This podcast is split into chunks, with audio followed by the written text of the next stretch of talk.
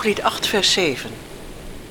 Vele wateren kunnen de liefde niet blussen en de rivieren spoelen haar niet weg. U luistert naar Verbonden voor het Leven Radio. Een eenvoudige bijbelstudie over het huwelijk, zoals God het bedoeld heeft. Samenstelling en presentatie Willem en Helen Lingeman.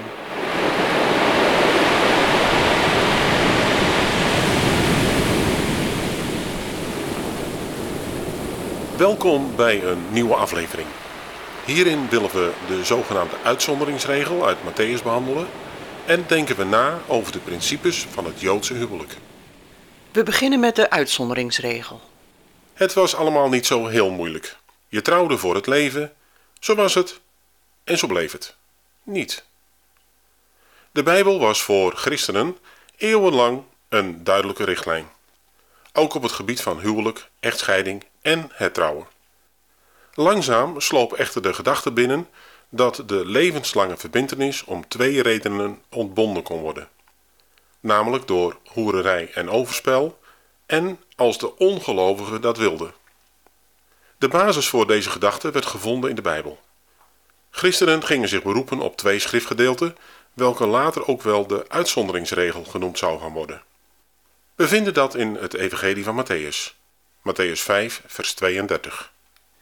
Maar ik zeg u dat ieder die zijn vrouw verstoot, anders dan uit oorzaak van hoererij, maakt dat zij overspel pleegt. En wie een verstotene trouwt, pleegt overspel. De tweede tekst is Matthäus 19, vers 9. Doch ik zeg u, wie zijn vrouw wegzendt om een andere reden dan hoererij en een andere trouwt, pleegt echtbreuk. Deze uitzonderingsregel, anders dan het oorzaak van hoererij of om een andere reden dan hoererij, werd een algemeen aanvaarde regel en vond met name in de 20e eeuw een warm onthaal. De kerken hadden tot hun grote opluchting een Bijbeltekst gevonden waar ze de problemen rond echtscheiding en hertrouwen in hun midden mee konden hanteren. Opmerkelijk is wanneer Marcus en Lucas over hetzelfde onderwerp schrijven, het er ineens anders uitziet. Marcus 10, vers 11 en 12. En hij zei tot hen: Wie zijn vrouw verstoot en met een andere trouwt, pleegt overspel jegens haar. En als zij na haar man verstoten te hebben met een andere trouwt, pleegt zij overspel. Lucas 16, vers 18. Ieder die zijn vrouw verstoot en met een andere trouwt, pleegt overspel. En wie met een door haar man verstotene trouwt, pleegt overspel.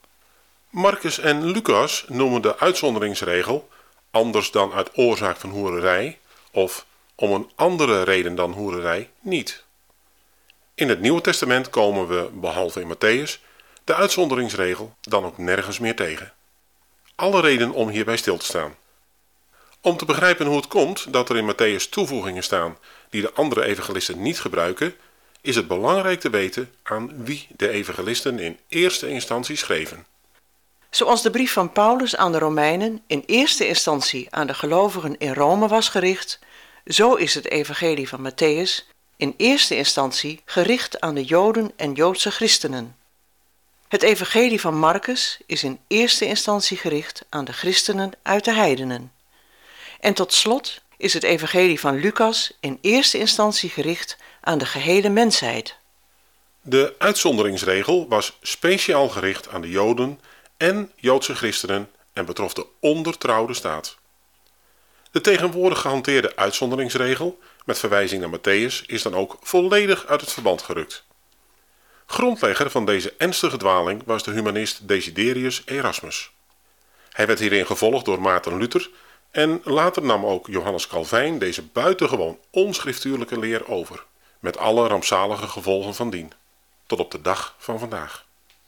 Erasmus, Luther en Calvijn veroorzaakten met hun gevaarlijke theorie grote verwarring, omdat door hun leer de evangeliën op dit punt niet meer in overeenstemming schenen te zijn met bijvoorbeeld de brieven van Paulus. Derhalve lijkt het of het woord van God zichzelf tegenspreekt. Wat was het geval? Van de hand van Erasmus verscheen in 1516 een Griekse Bijbelvertaling. In deze vertaling, de Textus Receptus, had hij door toevoeging van één woord, namelijk ei, De tekst van Matthäus 19, vers 9 verandert van een ontkenning, een verbod, in een erkenning, een toestemming. Oorspronkelijk zegt Matthäus 19, vers 9 niet om hoererij. Door het werk van Erasmus staat er nu anders dan, behalve, tenzij om hoererij. In de oude handschriften die Erasmus voor zijn vertaling gebruikte, komt het Griekse woord ei niet voor. Door deze toevoeging heeft Erasmus zijn eigen gedachtegoed, waarin hij de autonomie, het zelfbeslissingsrecht van de mens centraal stelt, een plaats in de Bijbel gegeven. Ook ging hij voorbij aan het typisch Joodse karakter van het Matthäus-evangelie. Tot Erasmus met zijn opvatting kwam, was het onderwerp het trouwen na echtscheiding niet aan de orde in de christelijke gemeente. Het woord van God was voor alle gelovigen duidelijk. Het Joodse huwelijk. De Joodse huwelijksvoltrekking kent verschillende fasen. Het bijzondere is dat we hetzelfde patroon één op één terugzien bij de Heer Jezus en zijn bruid. Denk hierbij aan het bloedverbond en de viering van de bruiloft. De ondertrouw was bij de Joden een juridische verbintenis en dat was het begin van het huwelijk. Alleen, man en vrouw woonden nog niet onder één dak. De Joodse ondertrouw is daarom ook niet te vergelijken met een verloving zoals wij die kennen. Het getekende huwelijkscontract kon alleen via een officieel wettelijk document verbroken worden. Jozef en Maria waren als ondertrouwden, als verloofde mensen voor de wet dus al echtgenoten, maar leefden nog niet samen. Het meisje, dus ook Maria, bleef tijdens deze periode bij haar ouders wonen. Een bevestiging hiervan vinden we in Matthäus 1, vers 18 tot 20. De geboorte van Jezus Christus geschiedde al dus. Terwijl zijn moeder Maria ondertrouwd was met Jozef, bleek zij, voordat ze gingen samenwonen, zwanger te zijn uit de Heilige Geest.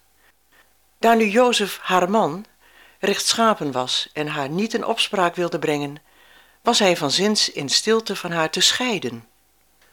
Toen die overweging bij hem opkwam, zie, een engel des Heren verscheen hem in de droom en zei: Jozef, zoon van David, schroom niet Maria, uw vrouw, tot u te nemen, want wat in haar verwekt is, is uit de Heilige Geest.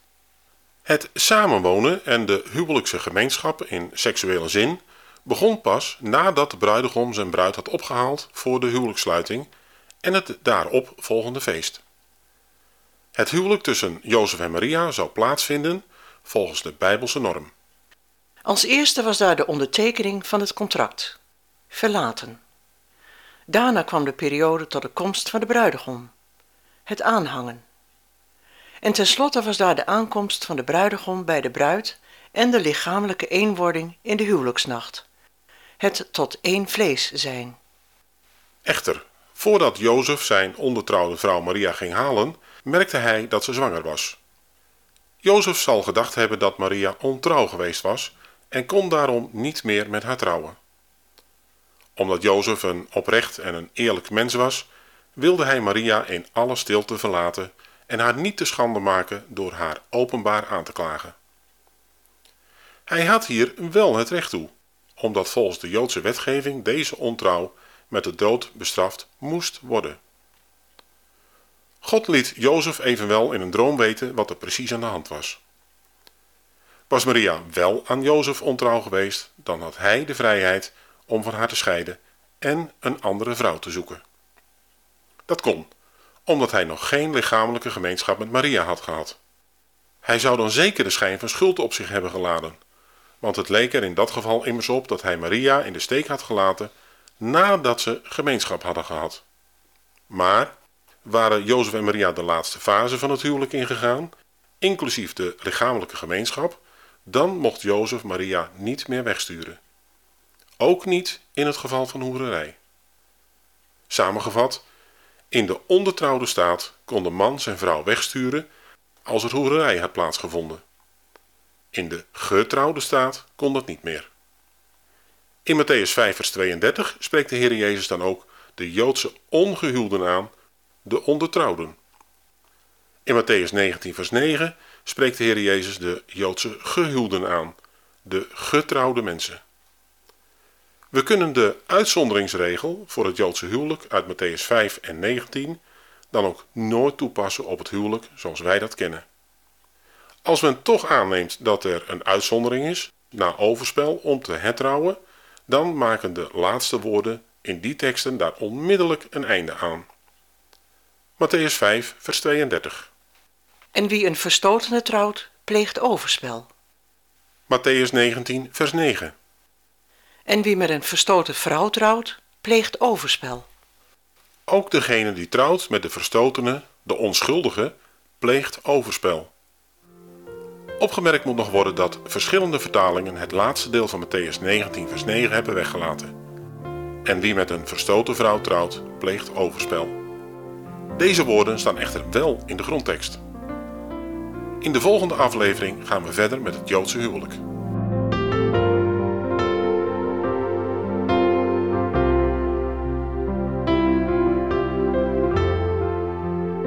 Spreuken 3, vers 3. Dat liefde en trouw u niet verlaten. Bind ze om uw hals, schrijf ze op de tafel van uw hart.